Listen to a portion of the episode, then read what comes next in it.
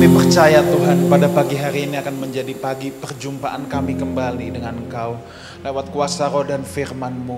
Bapa kami datang Tuhan pada pagi hari ini dengan kerendahan hati, dengan hati yang terbuka, hati yang siap ditaburi oleh isi hati Tuhan saja. Bapa, biar kami boleh mempersiapkan hati kami seperti tanah yang subur Tuhan. Supaya benih kebenaran firman-Mu boleh berbuah lebat dalam hidup kami. Pakai hambamu yang sebentar akan menyampaikan kebenaran firman Tuhan, biar hanya betul-betul apa yang berasal daripada Tuhan saja yang boleh dilepaskan di tengah-tengah kami semua. Terima kasih Tuhan, kami siap menyambut kebenaran firman-Mu dengan rasa lapar dan haus. Dalam nama Tuhan Yesus kami berdoa, kami mengucap syukur sama-sama kita katakan amin. Thank you present worship team. Puji Tuhan. Silakan duduk Bapak Ibu Saudara sekalian, apa kabar? Saya percaya kita semua dalam keadaan baik-baik saja dan siapkan hati saudara untuk menyambut kebenaran firman Tuhan. Saya percaya kita akan diberkati pada pagi hari ini. Tanpa panjang lebar lagi, langsung aja saya undang Pastor Rubin Ong yang akan menyampaikan kebenaran firman Tuhan. Oke.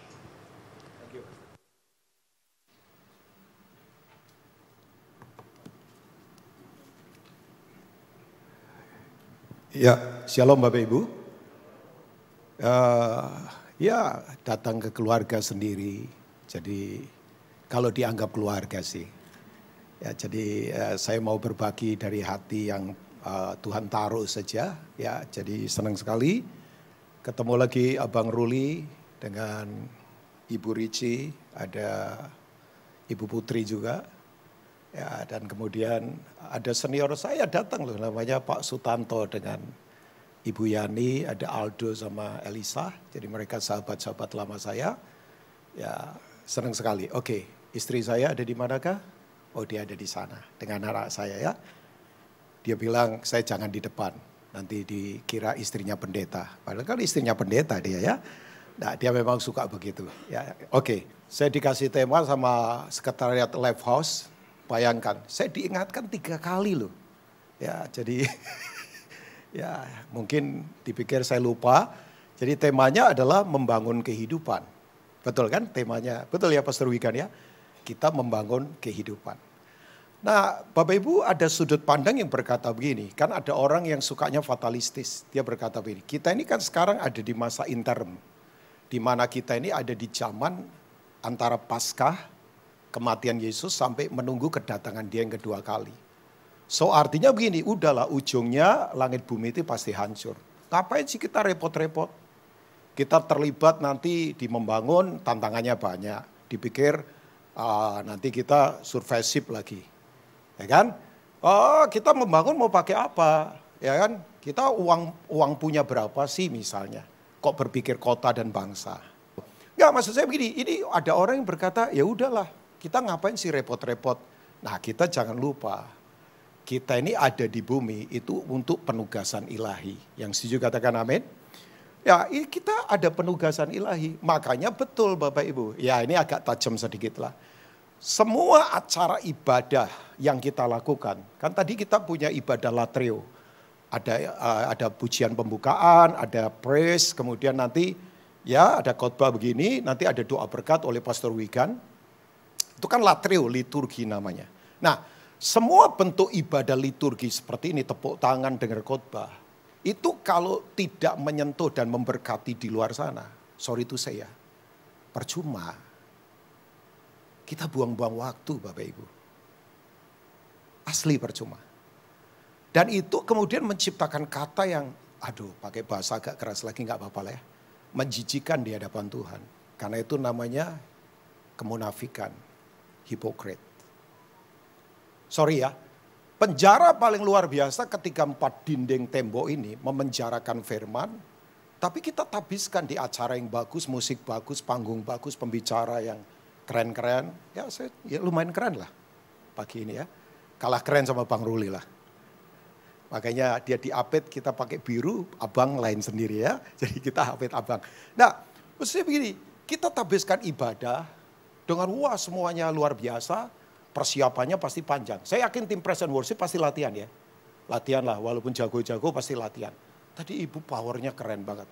istrinya Pastor Winter ya. Keren lah, keren banget. Asli ini, weh, Hillsong pasti cari ibu juga ya, saya yakin. Oh, ya di sini sajalah sudah, atau di mana lah Tuhan tempatkan. Ya, nah maksud saya begini, setelah itu kita tinggalkan firman, kita tidak praktekkan di bisnis, di keluarga, di masyarakat. Ya berarti kan kita penjarakan firman, cuman di empat dinding tembok yang bagus begini. Coba, saya waktu merenung ini, iya ya, iya ya. Karena begini kan Bapak Ibu, isi Alkitab itu kan ada empat, empat besar ya. Isi Alkitab empat besar saja. Dari kejadian sampai wahyu. Yang pertama penciptaan, yang kedua adalah kejatuhan. Kita diciptakan tujuannya adalah untuk kita diberkati, ya kan? Berkah, kemudian kita rada. Kita rada itu berkuasa, tapi dalam konteks melayani. Nah, itu membangun itu. Tapi kan kemudian kejatuhan, manusia jatuh karena mengikuti keinginan sendiri. Nah setelah itu ada yang namanya penebusan. To buy back, kita dibeli kembali. Itu istilah pegadian kan. Nah sayangnya banyak orang berhenti pada titik ini saja, udah ditebus. Makanya ada orang berkata, yang penting selamat masuk surga lah. Makanya banyak orang sekarang ini daripada hidup susah-susah, mending Yesus cepat datang saja supaya kita enak di sana. Surga jadi pelarian, jadi orang pasif. Oh ya, ya, ya. Kan pengajaran begitu sekarang. Pokoknya kamu percaya Yesus mati masuk surga. Ya. Oh, iya kita pasti diselamatkan. Jangan berkata, oh Pak Rubin ini tidak percaya kita diselamatkan. Pasti kita nanti memerintah bersama Tuhan kan. Tapi kan setelah itu kita harus masuk yang keempat itu yang namanya glorification. Kita dimuliakan, dikembalikan lagi pada tujuan awal kita diciptakan yaitu diberkati untuk bekerja, membangun. Kejadian 1 ayat 26. Saya tidak akan sebelumnya nggak membaca ayat ini ya, tapi uh, saya coba akan bacakan. Saya nanti ke 1 Korintus 3 ayat 10 sampai 15. Tapi coba lihat ya. Pastor Wikan ini waktu uh, nggak dipendekin gitu nggak ya? Terserah ya, dua jam nggak apa-apa kah? Ya, nggak lah. Saya tetap 45 menit kok ya. Saya tahu ibadah ini sekali saja, masih sekali. Tapi saya yakin bersiap lah, ini bisa nambah ibadah loh ini. Ya nggak tahu ini uh, nubuatan atau tidak ya, tapi ya bersiap saja. Pastor Wikan makin capek lah. Ya, Anda juga akan makin capek. Abang sebelah juga akan makin capek, Pak Budi juga akan makin capek. Ya, pagi capek semua, bersiaplah. Nanti akan ada banyak orang yang akan datang untuk dimuridkan. Tapi saya selalu bilang sama Pastor Wigan, tetap komunal kuat, tetap pemuritan. Jangan terpancing untuk yang besar-besar. Udahlah, udahlah. Ya, ya ini nasihat saya. Kalau nggak diterima ya nggak apa-apa juga. Wong nasihat kok. Oke, nah ini dia. Berfirman uh, ayat 28. Ya ini kan ide awal ya. Sayang orang berhenti di penebusan saja. Ya, itu kan kemudian mempengaruhi pengajaran banyak hal terutama abad 16 di mana percaya pada dewi langit. Yang penting ke nirwana. Udahlah, makanya banyak orang pasif. Yang penting gua selamat kan. Udah selamat, nggak usah bikin apa-apa, yang penting selamat saja. Padahal ada hal ini, Saudara. Allah memberkati mereka, lalu Allah berfirman kepada mereka, sayang terjemahnya Indonesia beranak cucu. Ya, nanti anak SD nggak bisa lakukan tugas membangun dong. Sebab terjemahan bahasa Inggris kan be fruitful and multiply. Ya kan? Berbuah lebat. Bukan beranak cucu. Kalau beranak cucu anak SD nggak bisa lakukan dong. Masih kecil. Ya. Nah Allah memberkati mereka dan berkata beranak cuculah bertambah banyak. Penulah bumi taklukkanlah itu. Kata taklukan itu bukan arogan ya Bapak Ibu. Tapi ini pengaruh lewat keteladanan. Nanti saya akan bahas. Membangun itu salah satunya lewat keteladanan. Sekarang ini teladan kering. Makanya sorry itu saya, hampir semua institusi di bumi ini termasuk pelayanan, sekarang tidak direspeki lagi, termasuk institusi pelayanan. Karena banyak yang berjatuhan. Sebab orang merusak. Sorry, kasih itu tidak pernah destruktif, tapi selalu konstruktif. Catat ini di hati Bapak Ibu ya. Kasih Tuhan itu tidak pernah destruktif. Nah, ini bahwa berkuasalah atas ikan-ikan di laut, burung-burung di udara, atas segala binatang yang merayap di bumi. Tidak pernah diberitahu bahwa manusia diperintahkan untuk menguasai manusia lainnya. Gak ada. Gak ada, gak ada. Makanya kepemimpinan itu inspirasi. Kan kepemimpinan adalah kapasitas mempengaruhi orang lain melalui inspirasi yang dimotivasi oleh hasrat, yang dibangkitkan oleh satu visi, dihasilkan oleh sebuah keyakinan, dinyalakan pada sebuah tujuan ilahi. Saya ulangi lagi kepanjangan ya. Kepemimpinan adalah kapasitas mempengaruhi orang lain melalui inspirasi yang dimotivasi oleh hasrat menyembah Tuhan dibangkitkan oleh satu visi. Makanya kerjakan visi karena menyembah Tuhan. Jangan ambisi, pasti hancur. Ya, yang kemudian dinyalakan oleh faith, eh, oleh oleh iman yang tujuannya adalah untuk divine purpose tujuan ilahi. Jadi leadership is talking about inspiring. Nah, inspirasi lahir dari mana? Dari karakter. Makanya orang tidak perlu ada di posisi tinggi untuk jadi pemimpin. Saudara di, di bawah pun, ngapain kejar-kejaran kursi kekuasaan? Saya satu kali diundang di gedung DPR, bukan karena saya mau dihakimi, wong saya nggak pejabat. Tapi saya bilang di uh, ruang Nusantara dari semua fraksi Kristen. Saya bilang orang Kristen kalau tidak punya inspirasi, percuma ngomong membangun bangsa.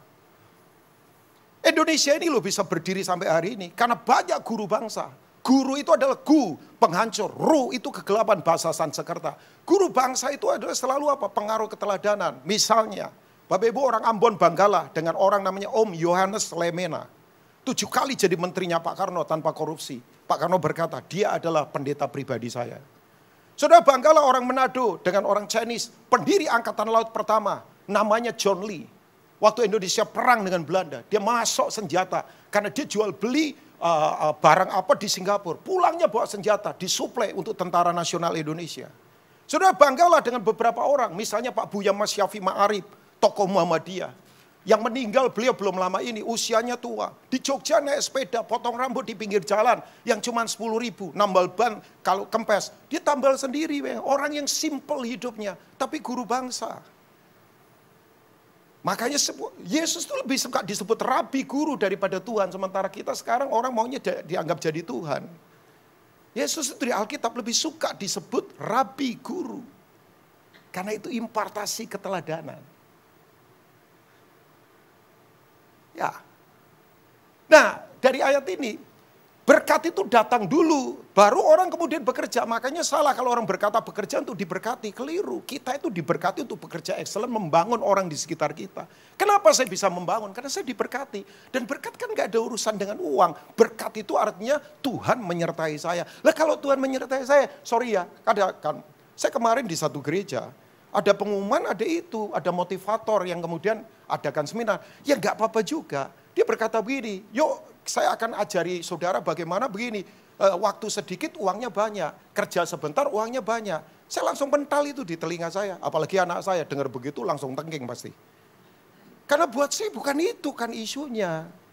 Isunya bekerja itu adalah mengeluarkan semua yang terbaik. Makanya kan betul tempat paling kaya di dunia itu ada di kuburan. Karena di kuburan adalah begini, puisi yang harusnya bagus keluar, belum keluar karena orangnya overdosis. Harusnya lagu bagus keluar, belum keluar karena orangnya tabrakan sebab nyetirnya ugal-ugalan. Ada banyak orang hebat di kuburan, makanya tempat terkaya di dunia itu bukan di Timur Tengah karena minyak, bukan di Papua karena emas, karena uraniumnya, bukan tempat terkaya di dunia itu ada di kuburan. Karena di kuburan banyak orang belum mengeluarkan semua potensi, sudah pada mati. Makanya saya tidak mau mati dulu sebelum semua potensi saya keluar. Saudara tetap mau membangun? Iya dong. Coba kita lihat 1 Korintus pasal 3 ayat 10 sampai ayat yang ke-15.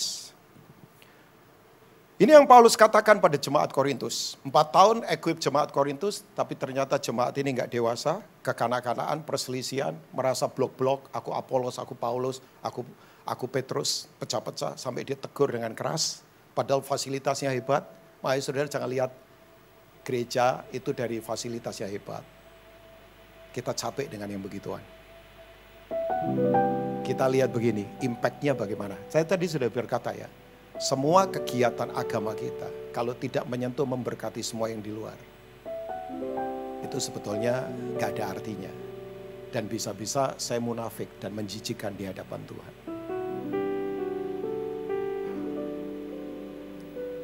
Makanya ada pendeta hebat sama istri saja berantakan.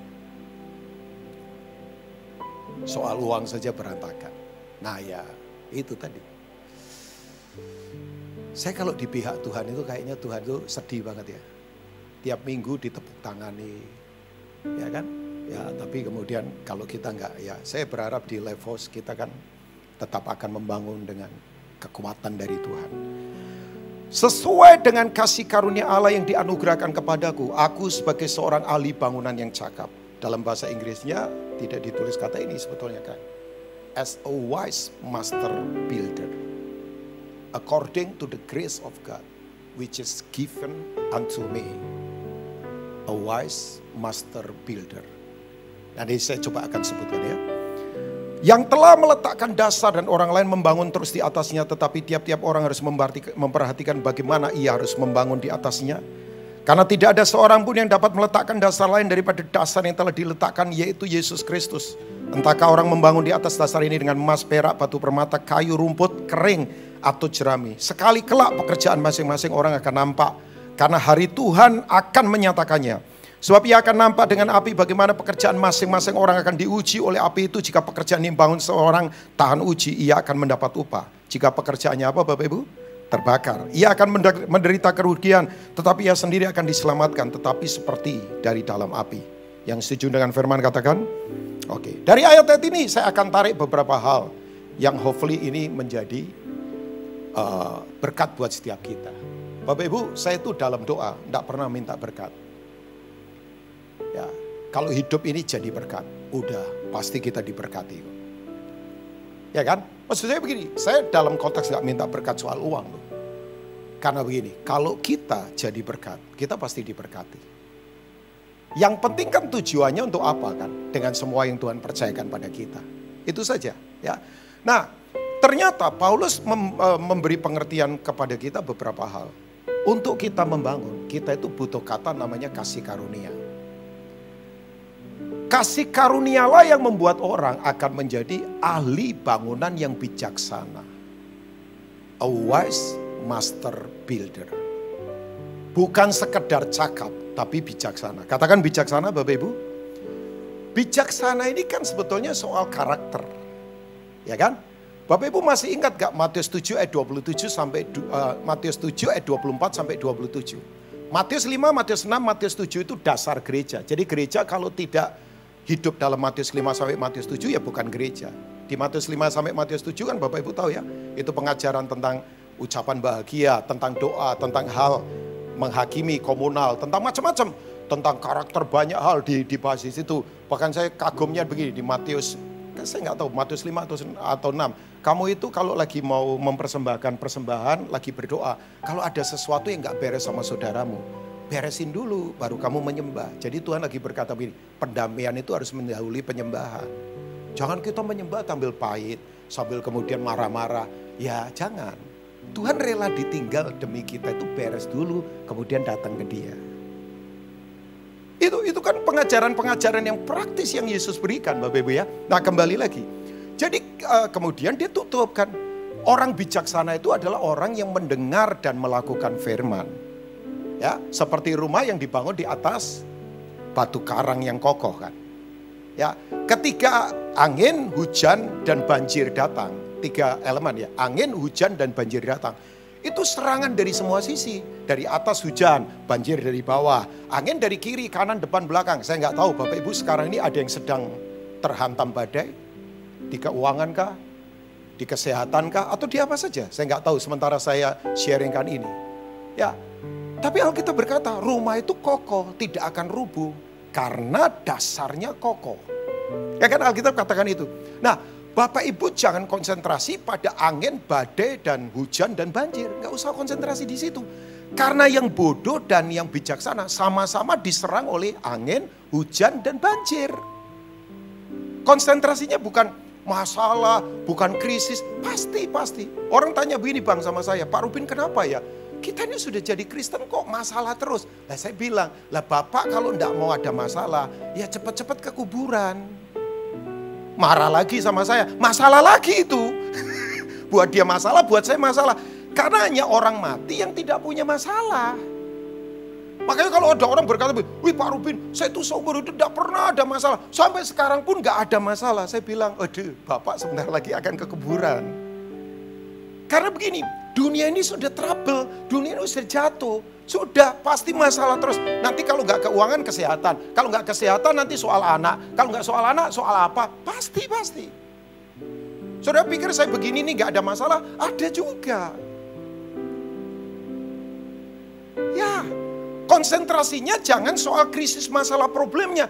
Konsentrasinya dasarnya. Karena yang bodoh pun kena angin, kena hujan, kena banjir. Yang bijaksana pun kena hujan, kena angin, kena banjir. Makanya ternyata bodoh pinter itu bukan gelar. Bodoh pinter itu bukan soal jabatan. Bodoh pinter itu soal karakter. Karena yang bodoh adalah mendengar tapi tidak melakukan. Yang bijaksana mendengar dan melakukan. Nah itu yang disebut dengan prinsip obedience. Obedience itu adalah begini, ketaatan kan. Yaitu mendengar dan melakukan. Ketajaman mendengar menentukan ketajaman bertindak. Buram pendengaran, buram dalam tindakan. Tidak mendengar ya tidak akan bertindak. Dan mendengar di sini bukan soal telinga, tapi ini talking about our heart. Karena begini, orang bisa mendengar tapi belum tentu melakukan. Dulu kan ada ada ada ada omongan begini, oh ya dia itu kalau dinasehati pak, cuman begini, dengar telinga kanan nanti keluar telinga kiri.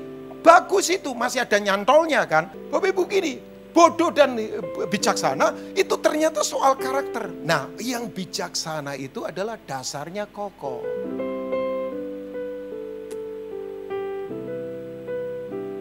Saya tahu kondisi tidak akan gampang. Saya kemarin selesai khotbah di satu tempat, didatangin anak, ya biasa, dekat sama saya cipika cipiki. Karubin apa kabar? Oh baik. Saya senang anak ini karir pekerjaannya makin meningkat berjuang betul. Cuma tadi anak saya bilang, kan temenan sama anak saya juga. Dia bilang, Pap, kasihan loh. Dia sebutkan namanya, karena adiknya itu sakit jiwa. Dan sekarang ditaruh di rumah sakit jiwa. Oh saya bilang makanya dia kerja keras luar biasa. Harus cover mamanya, harus cover adiknya yang sekarang ada di rumah sakit jiwa. Satu-satunya adik. Kita ini Bapak Ibu ya, kalau punya anak-anak baik itu, aduh bersyukur. Ya ya. Ya jujur lah, saya kalau lihat Bang Ruli tiga anak cowok semua baik kan. Dan baik-baik loh, bersyukur banget. Ya. Oh iyalah, punya anak cowok nggak gampang Bapak Ibu. Oh, iya. Katanya kan anak cowok itu dibuat dari petir guntur halilintar bayangkan. Oh iya. Grandal di rumah dulu di uh, rumah kita. Kan kita 8 bersaudara, ceweknya tiga, lakinya lima. Itu kayak perang dunia Bapak Ibu. Asli. Sampai saya tuh, aduh, saya kalau nengok ke belakang, nakal saya ini ternyata. Ya, tapi ya saya nggak ngobat, nggak apa, nakalnya berantem. Wih, ya. Tapi saya sadar begini Bapak Ibu, memang berat lah, prosesnya berat. Nah, saya dorong Bapak Ibu, konsentrasi pada dasarnya. Untuk terus membangun di tengah kesusahan ini. Jujur kayak Pastor Wigan segala ini capek Kayak saya juga kadang-kadang capek. Maksudnya bukan apa. Jadi Kristen itu tidak gampang kan. Kita susah harus melayani orang. Kita perlu didoakan, kita mendoakan orang. Kita kadang disalah mengerti. Dianggap semuanya sama. Enggak lah Pak. Ibu, makanya saya paling marah kalau berkata, wah percuma lah gereja, pendeta, apa sama, semua sama. Eh, hang on. No, no, no, gak semua sama. Sorry, gak semua sama. Kita punya integritas loh Bapak Ibu. Ya, ya. Ya memang sedih, sedih sih. Tapi kan kita di tengah tekanan apa pun. Dan jujur kan Bapak Ibu. Saya sering peluk para pendeta saya bilang, tetap kuat ya bro. Karena kan kadang-kala orang hargai dia karena memang dia punya karunia. Tapi kalau dia tidak punya karunia, belum tentu orang hargai dia. Tapi kan harus terus membangun dasarnya harus kita kuati. Nah makanya ayat 11 tadi, ayat 11. Coba kita lihat 1 Korintus 3 ayat 11 ya. Saudara jangan ada dasar apa pun untuk kita membangun kehidupan baik di keluarga, di masyarakat. Dasarnya adalah Yesus Kristus. Katakan Yesus Kristus. Nah dalam dasar Yesus Kristus itu ada beberapa. Saya tidak usah jelaskan lah. Kasih misalnya. Kasih itu apa? Respon Tuhan terhadap semua kekurangan kita. Kenapa kasih panjang sabar? Karena orang di sekeliling kita tidak membuat kita bisa panjang sabar ya. Kenapa kasih murah hati? Karena banyak orang pelit di sekitar kita. Makanya kasih itu opposite spirit, roh yang berbeda dari dunia ini. Kan tadi saya sudah katakan kasih itu membangun. Kasih itu tidak pernah merusak. Oh iya.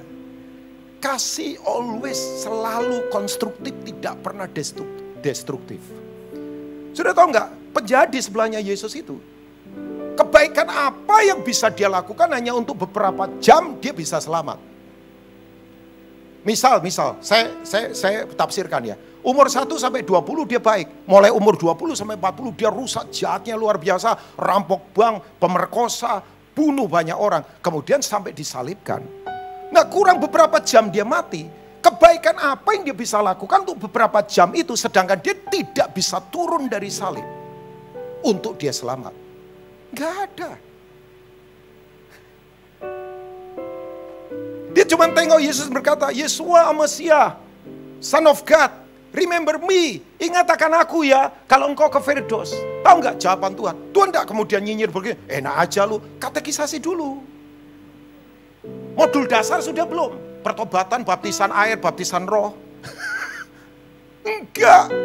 Coba, perbuatan baik apakah untuk beberapa jam sebelum dia mati dia bisa selamat? Gak ada. Sedangkan dia tergantung di salib. Dia tidak bisa turun. Dia tidak bisa memberkati orang miskin. Dia tidak bisa mengembalikan utangnya dia. Gak ada. Yesus berkata, hari ini juga. Kau sama-sama aku di Firdaus. Bayangkan, yang punya sorga nonton penjahat paling besar masuk kerajaannya. Itu otak agama nggak nyambung, asli, asli. Makanya Mahatma Gandhi berkata begini, untung Yesus turun membawa hukum baru. Kalau enggak manusia cacat semua. Sebab hukum agama berkata, kaki potong ganti kaki, tangan potong ganti tangan. Makanya dia berkata, kalau hukum itu diberlakukan, semua orang dunia cacat. Sebab tidak ada agama yang bisa menang terhadap dosa, termasuk agama Kristen.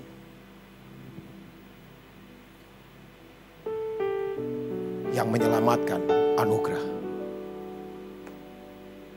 Makanya kasih itu Bapak Ibu. Kita kan paling suka begini. Orang jahat sama kita. Kita berkata begini. Tuhan turunkan petirlah dari langit. Buat dia kosong separuh-separuh putih. Orang ngomongin kita, kita kedip. Langsung kemudian langsung pincang mendadak. Sambil berkata, lu ndak tahu gua berkuasa. Kuasa Tuhan tidak untuk begituan. Kuasa Tuhan bukan untuk show force. Kuasa Tuhan selalu membantu. Makanya kalau saya lihat ya orang diurapi omongannya nyelekit, omongannya sama pasangannya kerkasar. Pertanyaan saya ini kuasa mana ya? Ya. Dalam Yesus ada apa lagi? Pengorbanan. Saya yakin ya, Pastor Ruli, Pastor Wikan, Pak Budi, Pak My Brother, Pak Suranta, ya Pak Edi dan yang lainnya. Kita itu kan kadang-kala kalau memberkati orang, kalau memberkati nggak cuma ngomong duit loh, tapi nasihat apa. Kalau orangnya nggak berubah kan nyesek ya. Tapi kan tetap kita harus memberkati. Makanya saya ingatkan ya Bapak Ibu tolong begini, kalau Bapak Ibu support orang, jangan merasa Bapak Ibu itu di atasnya dia dan dia itu adalah inferior. Makanya saya kalau orang mau utang sama saya, udah enggak usah utang, saya kasih aja. So kalau utang nanti saya dia itu jadi tawanannya saya. Saya enggak mau. Bahkan saya belajar, kalau saya kirim terlambat, padahal saya bantu ini kirimnya terlambat bang. Atau pas weekend, saya terlambat. Saya minta maaf sama dia. Maaf ya, saya ngirim terlambat. Sampai dia suka, lupa Rubin, saya ini yang butuh kok Bapak minta maaf. Enggak, karena kita sama. Saya tidak mau arogan bahwa orang yang saya tolong itu di bawah saya. Nah, itu membangun. Jangan tawan orang lah Bapak Ibu. Dengan apa pun yang kita beri. Udah, kemarin adik saya WA saya. Kok bagaimana ya supaya saya itu melimpah dalam hal. Udah, memberi-memberi saja. Tidak usah memberi ada embel-embelnya supaya saya diberkati. Memberi karena Tuhan suruh kamu memberi. That's it, udah. Gak usah yang lain.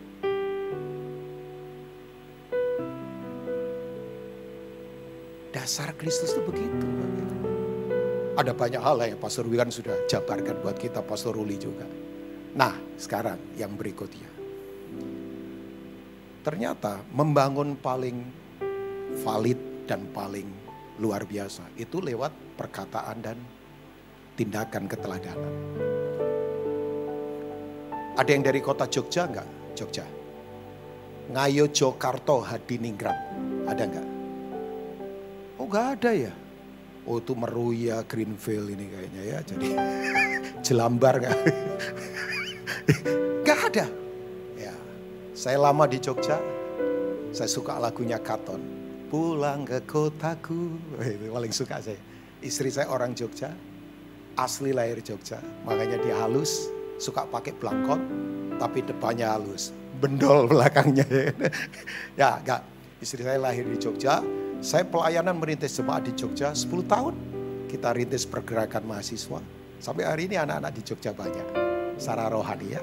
Di Jogja itu ada itu, kalau enggak beli itu belum ke Jogja. Pasti langsung bakpia, bukan bakpia iyalah, terus apa lagi? Gudeg iyalah. Tapi ada merchandise Jogja yang dijual di Jalan Malioboro. Asalnya anak-anak UGM yang punya itu sekarang kaya raya. Jangan-jangan kliennya Bang Ruli nih, saya nggak tahu juga ya. Anak-anak UGM yang kaya raya bikin merchandise kaos. Namanya Dagadu. Nah ya, kalau di Bali kan joger. Ya kan? Di Jogja itu ada kaos namanya Dagadu. Itu plesetan kata-katanya, keren keren banget. Oh bagus, bagus banget, bagus banget. Tapi satu kali saya ketawa, ketawa saja. No action, talk only. NATO. Ya kan? No action, talk only. NATO. Tapi yang kedua, no talking, action only. Bisu. Jadi no talking, action only. Bisu. Yang ketiga, no action, no talking. Tahu nggak? Nongkrong. Saya lagi makan makanan keluar dari mulut saya bayangkan. Saya berkata ini orang pinter ini, pinternya luar biasa. Tapi betul memang ternyata keteladanan itu harus lewat perkataan dan tindakan. Saya khotbah begini dituntut ditindakan. Apalagi istri anak saya paling kritis. Jangan salah ngomong lo, praktekkan. Bagus. Karena memang betul Bapak Ibu, perkataan kita itu menunjukkan siapa kita.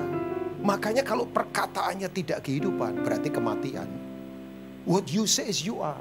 Seperti Tuhan dengan firmannya, begitulah manusia dengan perkataannya. Saudara, lidah ini adalah jendela hati yang ada di luar. Hati-hati dengan ucapan. Benar hati-hati. Ya, oh ya, saya paling jaga kata-kata saya. Saya tidak pernah mau merusak orang dengan kata-kata. Ada orang berkata, pokoknya pengen saya pengen ngomong apa, ngomong saja. Eh jangan-jangan. Ada pertanggungjawaban di hadapan Tuhan. Saya satu kali dengar orang cerita, saya ketawa. Ada suami ini yang tidak pernah puji istrinya pakai kata-kata, apalagi kalau dimasakin. Ya, udah ditegur Pak, orang Kristen, Kristen. Kalau ditanya agamanya apa, lebih menjawab keren dari Kristen. Kristen. Kristen ini kakak kelasnya Kristen kan. Itu kan orang Indonesia Timur kan Kristen semua itu. Coba orang Ambon, orang Papua, orang Kupang. Apa agamamu? Kristen pak. Itu kakak kelasnya Kristen kan. Nah kemudian begini, pendetanya tegur. Jangan begitu bapak. Puji istrimu. Kalau istrimu masak, pujilah. Tahu nggak jawabannya? Kan dia istriku, kita kan satu, tubuh kita satu. Ngapain puji-puji? Berarti saya sombong kan puji diri sendiri. Siap. Memang orang Kristen itu nggak bisa dikalahkan. Kristen. ya, ada beberapa yang Kristen saya tahu ya. Pastor Winter juga Kristen kayaknya. Mana dia Kristennya itu? Oh jaga, jaga apa? Oh nggak apa-apa ya. Jangan uh, lupakan bahwa Tuhan berdaulat menjaga apa pun. Kak, sudah tahu gak? Istrinya kalau masakin keasinan, marah-marah. Kamu pengen kawin lagi ya? Berharap saya mati, asin ini masakan. Ujungnya kawin lagi. Istrinya masakin tawar, dikurangin garamnya. Ngomong begini, masakan tawar begini, bikin aku ndak bahagia. Kamu pengen aku mati ya, supaya kamu kawin lagi. Pokoknya semuanya ujungnya dia mau kawin lagi. Istrinya sedihnya luar biasa. Satu kali ikut seminar keluarga, diberkati, dilawat Tuhan dengan firman yang diajarkan. Bertobat. Ah, enggak bertobat. Istrinya masak, dia berkata, masakanmu enak lu sayang. Ya baru ikut seminar keluarga. Istrinya gantian marah pukul dia. Dah, dari hari kemarin keasinan, hari ini uh, uh, kemarin lagi tawar. Sekarang tahu enggak, ini yang masak pembantu kita. Jadi kamu fair ya sama pembantumu. Saya ketawa persis Bapak Ibu ketawa. Ya cuman kita kan ketawa di sini. Saya ketawa sendirian loh bayangkan. Tapi betul kan. Nah maksud saya begini. Yuk perkataan membangunlah.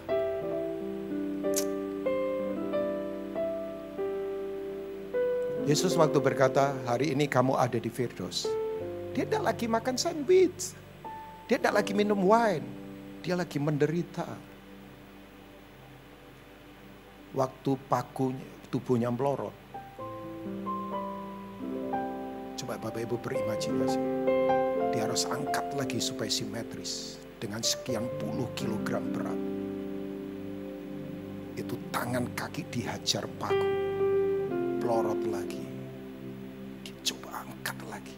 Semalaman gak tidur.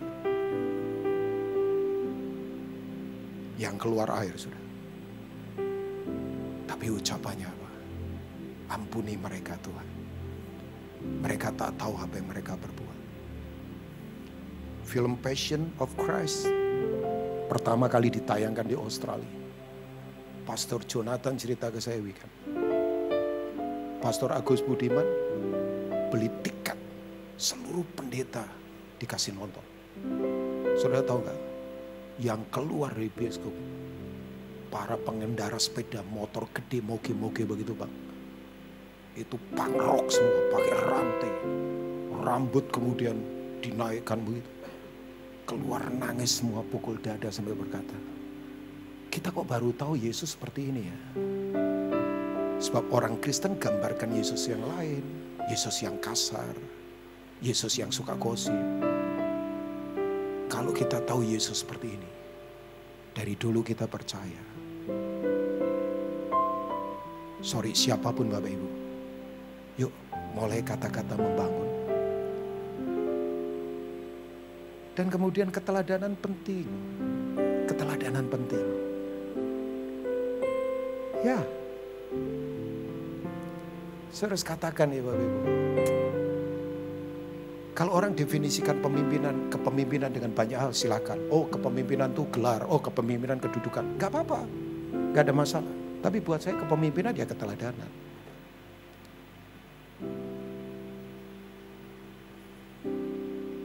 Dan keteladanan itu membangun. Saya kadang-kala putus asa loh melihat kondisi yang terjadi. Tapi saya sadar, oh iya ya. Walaupun saya sederhana, saya bisa mempengaruhi lewat keteladanan. Beberapa kali orang yang puluhan tahun gak ketemu saya, selalu kalau ketemu saya berkata begini, kamu itu kok masih tetap sama ya Rubin? Wah, saya bilang nyindir kamu. Maksudnya fasilitas apa saya tetap sama? Enggak. Kamu itu tetap simpel loh dari dulu. Kamu padahal tinggal di Jakarta loh. Saya bilang saya gak tinggal di Jakarta, saya tinggal di Tangerang. Jadi saya bukan orang kosmopolitan. Enggak, tapi kan sering ke Jakarta. Tapi kamu kok tetap sama sampai dulu, simpel begini. Ya saya bilang, ya nggak gampang buat saya. Untuk tetap putuskan bahwa, maksudnya bukan, bukan keteladanan soal pakai pakaian murah atau bukan. Tapi dia bilang begini, kamu tetap punya inspirasi. Ya saya bilang doakanlah, godaannya nggak gampang buat saya. Tapi saya sadar memang bang dan Pastor Wikan sekarang ini orang butuh keteladanan. Kan saya itu udah bilang ya, hampir semua institusi sekarang udah nggak direspeki orang. Saya khawatirnya berlaku hukum berlaku hukum rimba loh di luar sana. Dan indikasi itu sudah mulai nampak loh Bapak Ibu. Tapi gereja tetap harus menjadi teladan. Amin Bapak Ibu. Nah, saya tutup, kita selesai ini selesai. Udah, habis ini kita selesai. Ya ampun, jam satu di Papua. Oh kita masih satu jam ya, ya masih bisa sedikit lagi ya. Masih boleh ya Pastor Wikan ya? Boleh ya. Setelah ini kita selesai, kita makan bersama, bayar sendiri-sendiri. Yang ketiga adalah ini dia Bapak Ibu.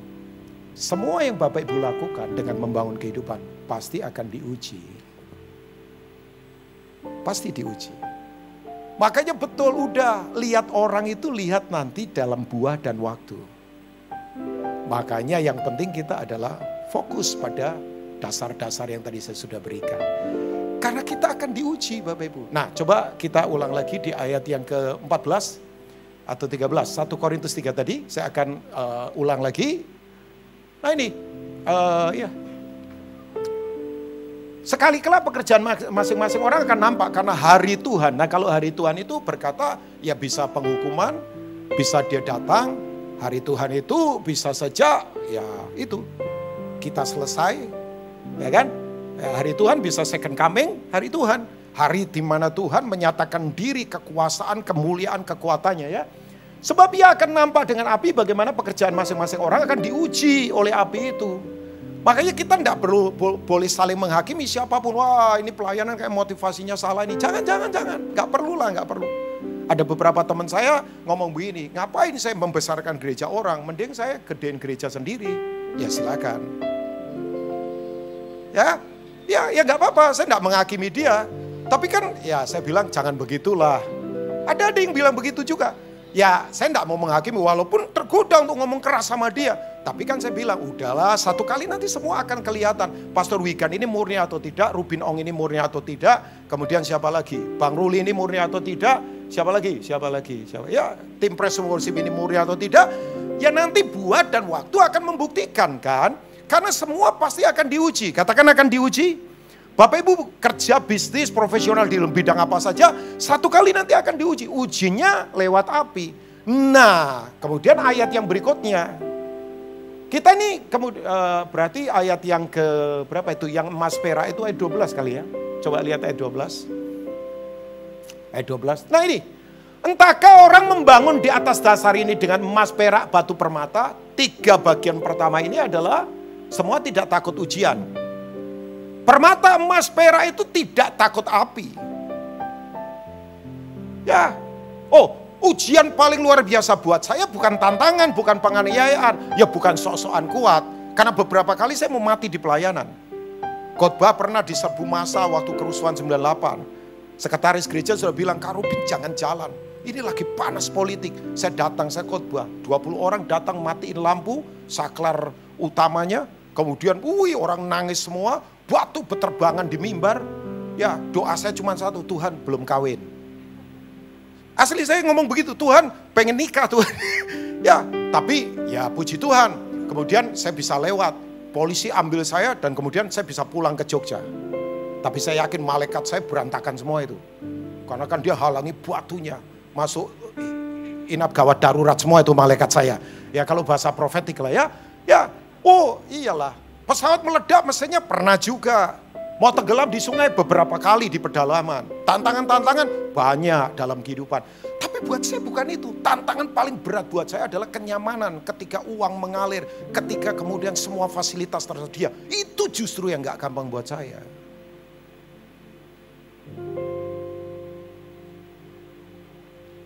Itu ujian yang gak gampang. Makanya kata, kata, kata orang berkata, bikin pendeta jatuh, lakukan tiga hal puji dia terus, kasih dia uang yang banyak, terus begini, beri dia konseling para wanita cantik. Itu potensinya jatuh luar biasa. Orang-orang berkata begitu, ya saya bilang boleh juga lah. Nah saya beritahu buat Bapak Ibu semua, yuk emas, perak, dan kemudian permata. Itu tidak pernah takut dengan api. Tapi yang tiga berikutnya ini kebakar. Kayu, rumput kering dan apa Bapak Ibu? Jerami. Udah, angus ditelan api. Masih ingat gak ada tiga orang hebat? Satu, saya selesai dengan ini ya. Satu-satunya di Alkitab, cerita orang di dalam api tidak mati.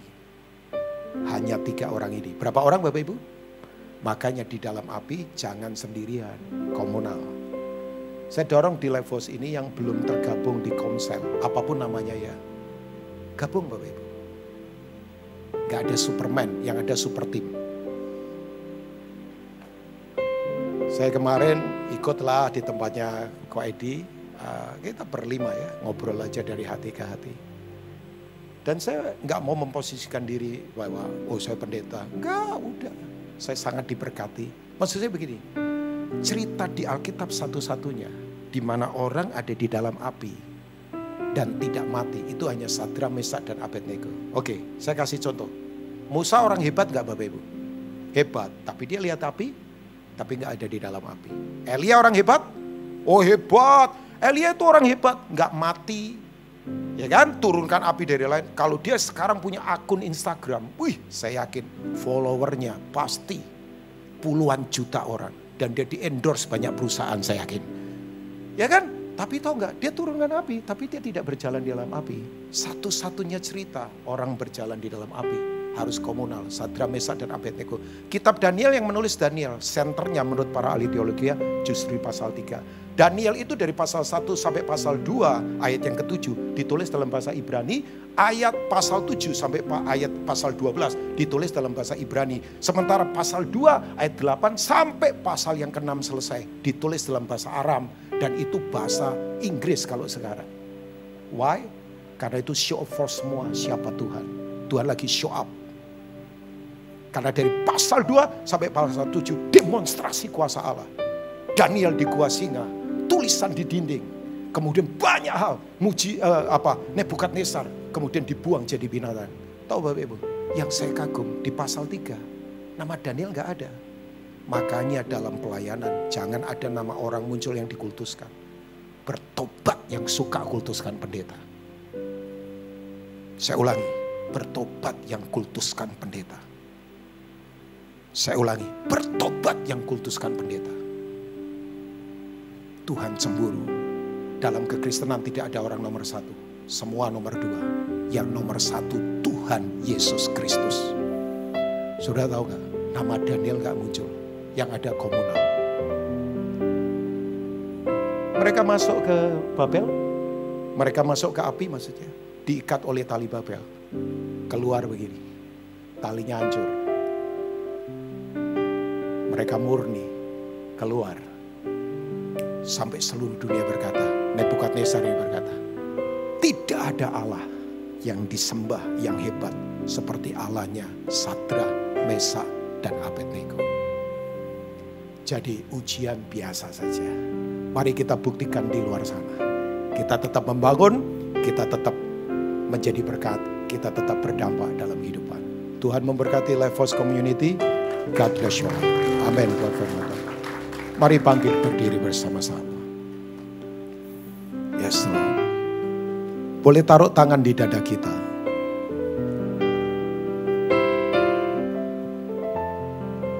Saya berharap ini menjadi suara profetik buat setiap kita, termasuk buat saya yang terutama.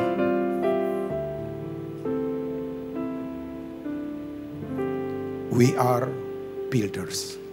Kita ini para pembangun. Kita para pembangun yang memang ditentukan dari awal. Entah yang kita bangun baik atau jahat, semua orang pasti membangun. Pertanyaannya, apa yang kita bangun? Bagaimana cara kita membangun? Dan untuk siapa kita membangun? Saya ulangi lagi, apa yang kita bangun? Bagaimana kita membangun? Untuk siapa kita membangun? Karena saya sungguh tidak mau Orang kelihatannya hebat tapi kemudian ujungnya adalah nothing. Kosong kesia-siaan. Tapi hari ini saya percaya anugerah Tuhan memampukan kita. Membangun keluarga, membangun masyarakat, membangun orang di sekitar kita. Untuk kita berdampak. Karena kita ada untuk itu memang. Yes Lord, yes Lord. Mari, mari sungguh-sungguh Bapak Ibu. Ambil komitmen hari ini ambil komitmen. Kalau perkataan kita selalu menghancurkan, perkataan kita selalu negatif. Mari mulai dari step ini. Berkata Tuhan, aku keluar dari tempat ini. Mau mengucapkan kata-kata firman-Mu. Mari bangun atmosfer di sekitar kita. Perkataan kita menciptakan dunia kita. Saya ulangi, perkataan kita menciptakan dunia kita. Lihat salib Bapak Ibu, seberat apa pun dia berdarah-darah, dia kesakitan di sana, tapi perkataannya selalu membangun, ampuni mereka. Hari ini juga kamu bersama-sama aku di Firdos. Perkataannya tidak pernah menghukum, menghujat, menghakimi. Ya, perkataannya tidak pernah memaki, tidak, tidak, tidak, tidak. Yesus selalu berkata yang terbaik. Oh iya dia tegur orang, tapi terus selalu negurnya dengan kasih. Makanya Alkitab berkata, kasih Tuhan itu selama-lamanya. Kemarahannya ya sekejap saja. Tuhan itu marahnya sekejap. Kenapa marah? Karena dia mau kita berbalik kepada dia. Firmannya selalu membangun, menguatkan. Mari komitmenlah. Ya kalau ada, kalau ada saya nggak tahu pasangan yang suka berkata kasar. Kalau ada perkataan-perkataan yang menghujat siapa pun, saya beritahu stop Bapak Ibu, stop sudah, sudah. Mari katakan berkat, ucapkan berkat. Karena kita membangun kehidupan, sebab ada kehidupan Tuhan di dalam kita. Hamba berdoa Tuhan, biar firman ini termeterai di hati kami. Hamba berdoa kuatkan umatmu yang ada di House Community ini. Hamba yakin Tuhan, kalau ada ratusan orang di sini keluar perkataan keteladanan membangun, kami akan mempengaruhi komunitas yang ada. Kami akan mempengaruhi kota ini. Kami akan mempengaruhi tempat-tempat di mana Tuhan tempatkan kami. Kami tahu Tuhan, kuasamu tak terbatas. Kami tahu hikmatmu tidak bisa dikalahkan oleh siapa pun. Tuhan berkati umatmu, hari ini yang lemah dikuatkan. Hari ini yang jatuh diangkat kembali. Hari ini yang goncang ditegakkan kembali. Kami bukan orang-orang terbuang. Tuhan pilih kami untuk terlibat dalam rencana dan kehendakmu. Terima kasih Bapak. Firmanmu sudah hamba sampaikan. Biar ini termeterai dan menjadi a guidance of life. Sebuah tuntunan dalam kehidupan kami. Berkati umatmu Demi nama Tuhan Yesus, mari semua kita katakan amin. Tuhan memberkati. God bless you all.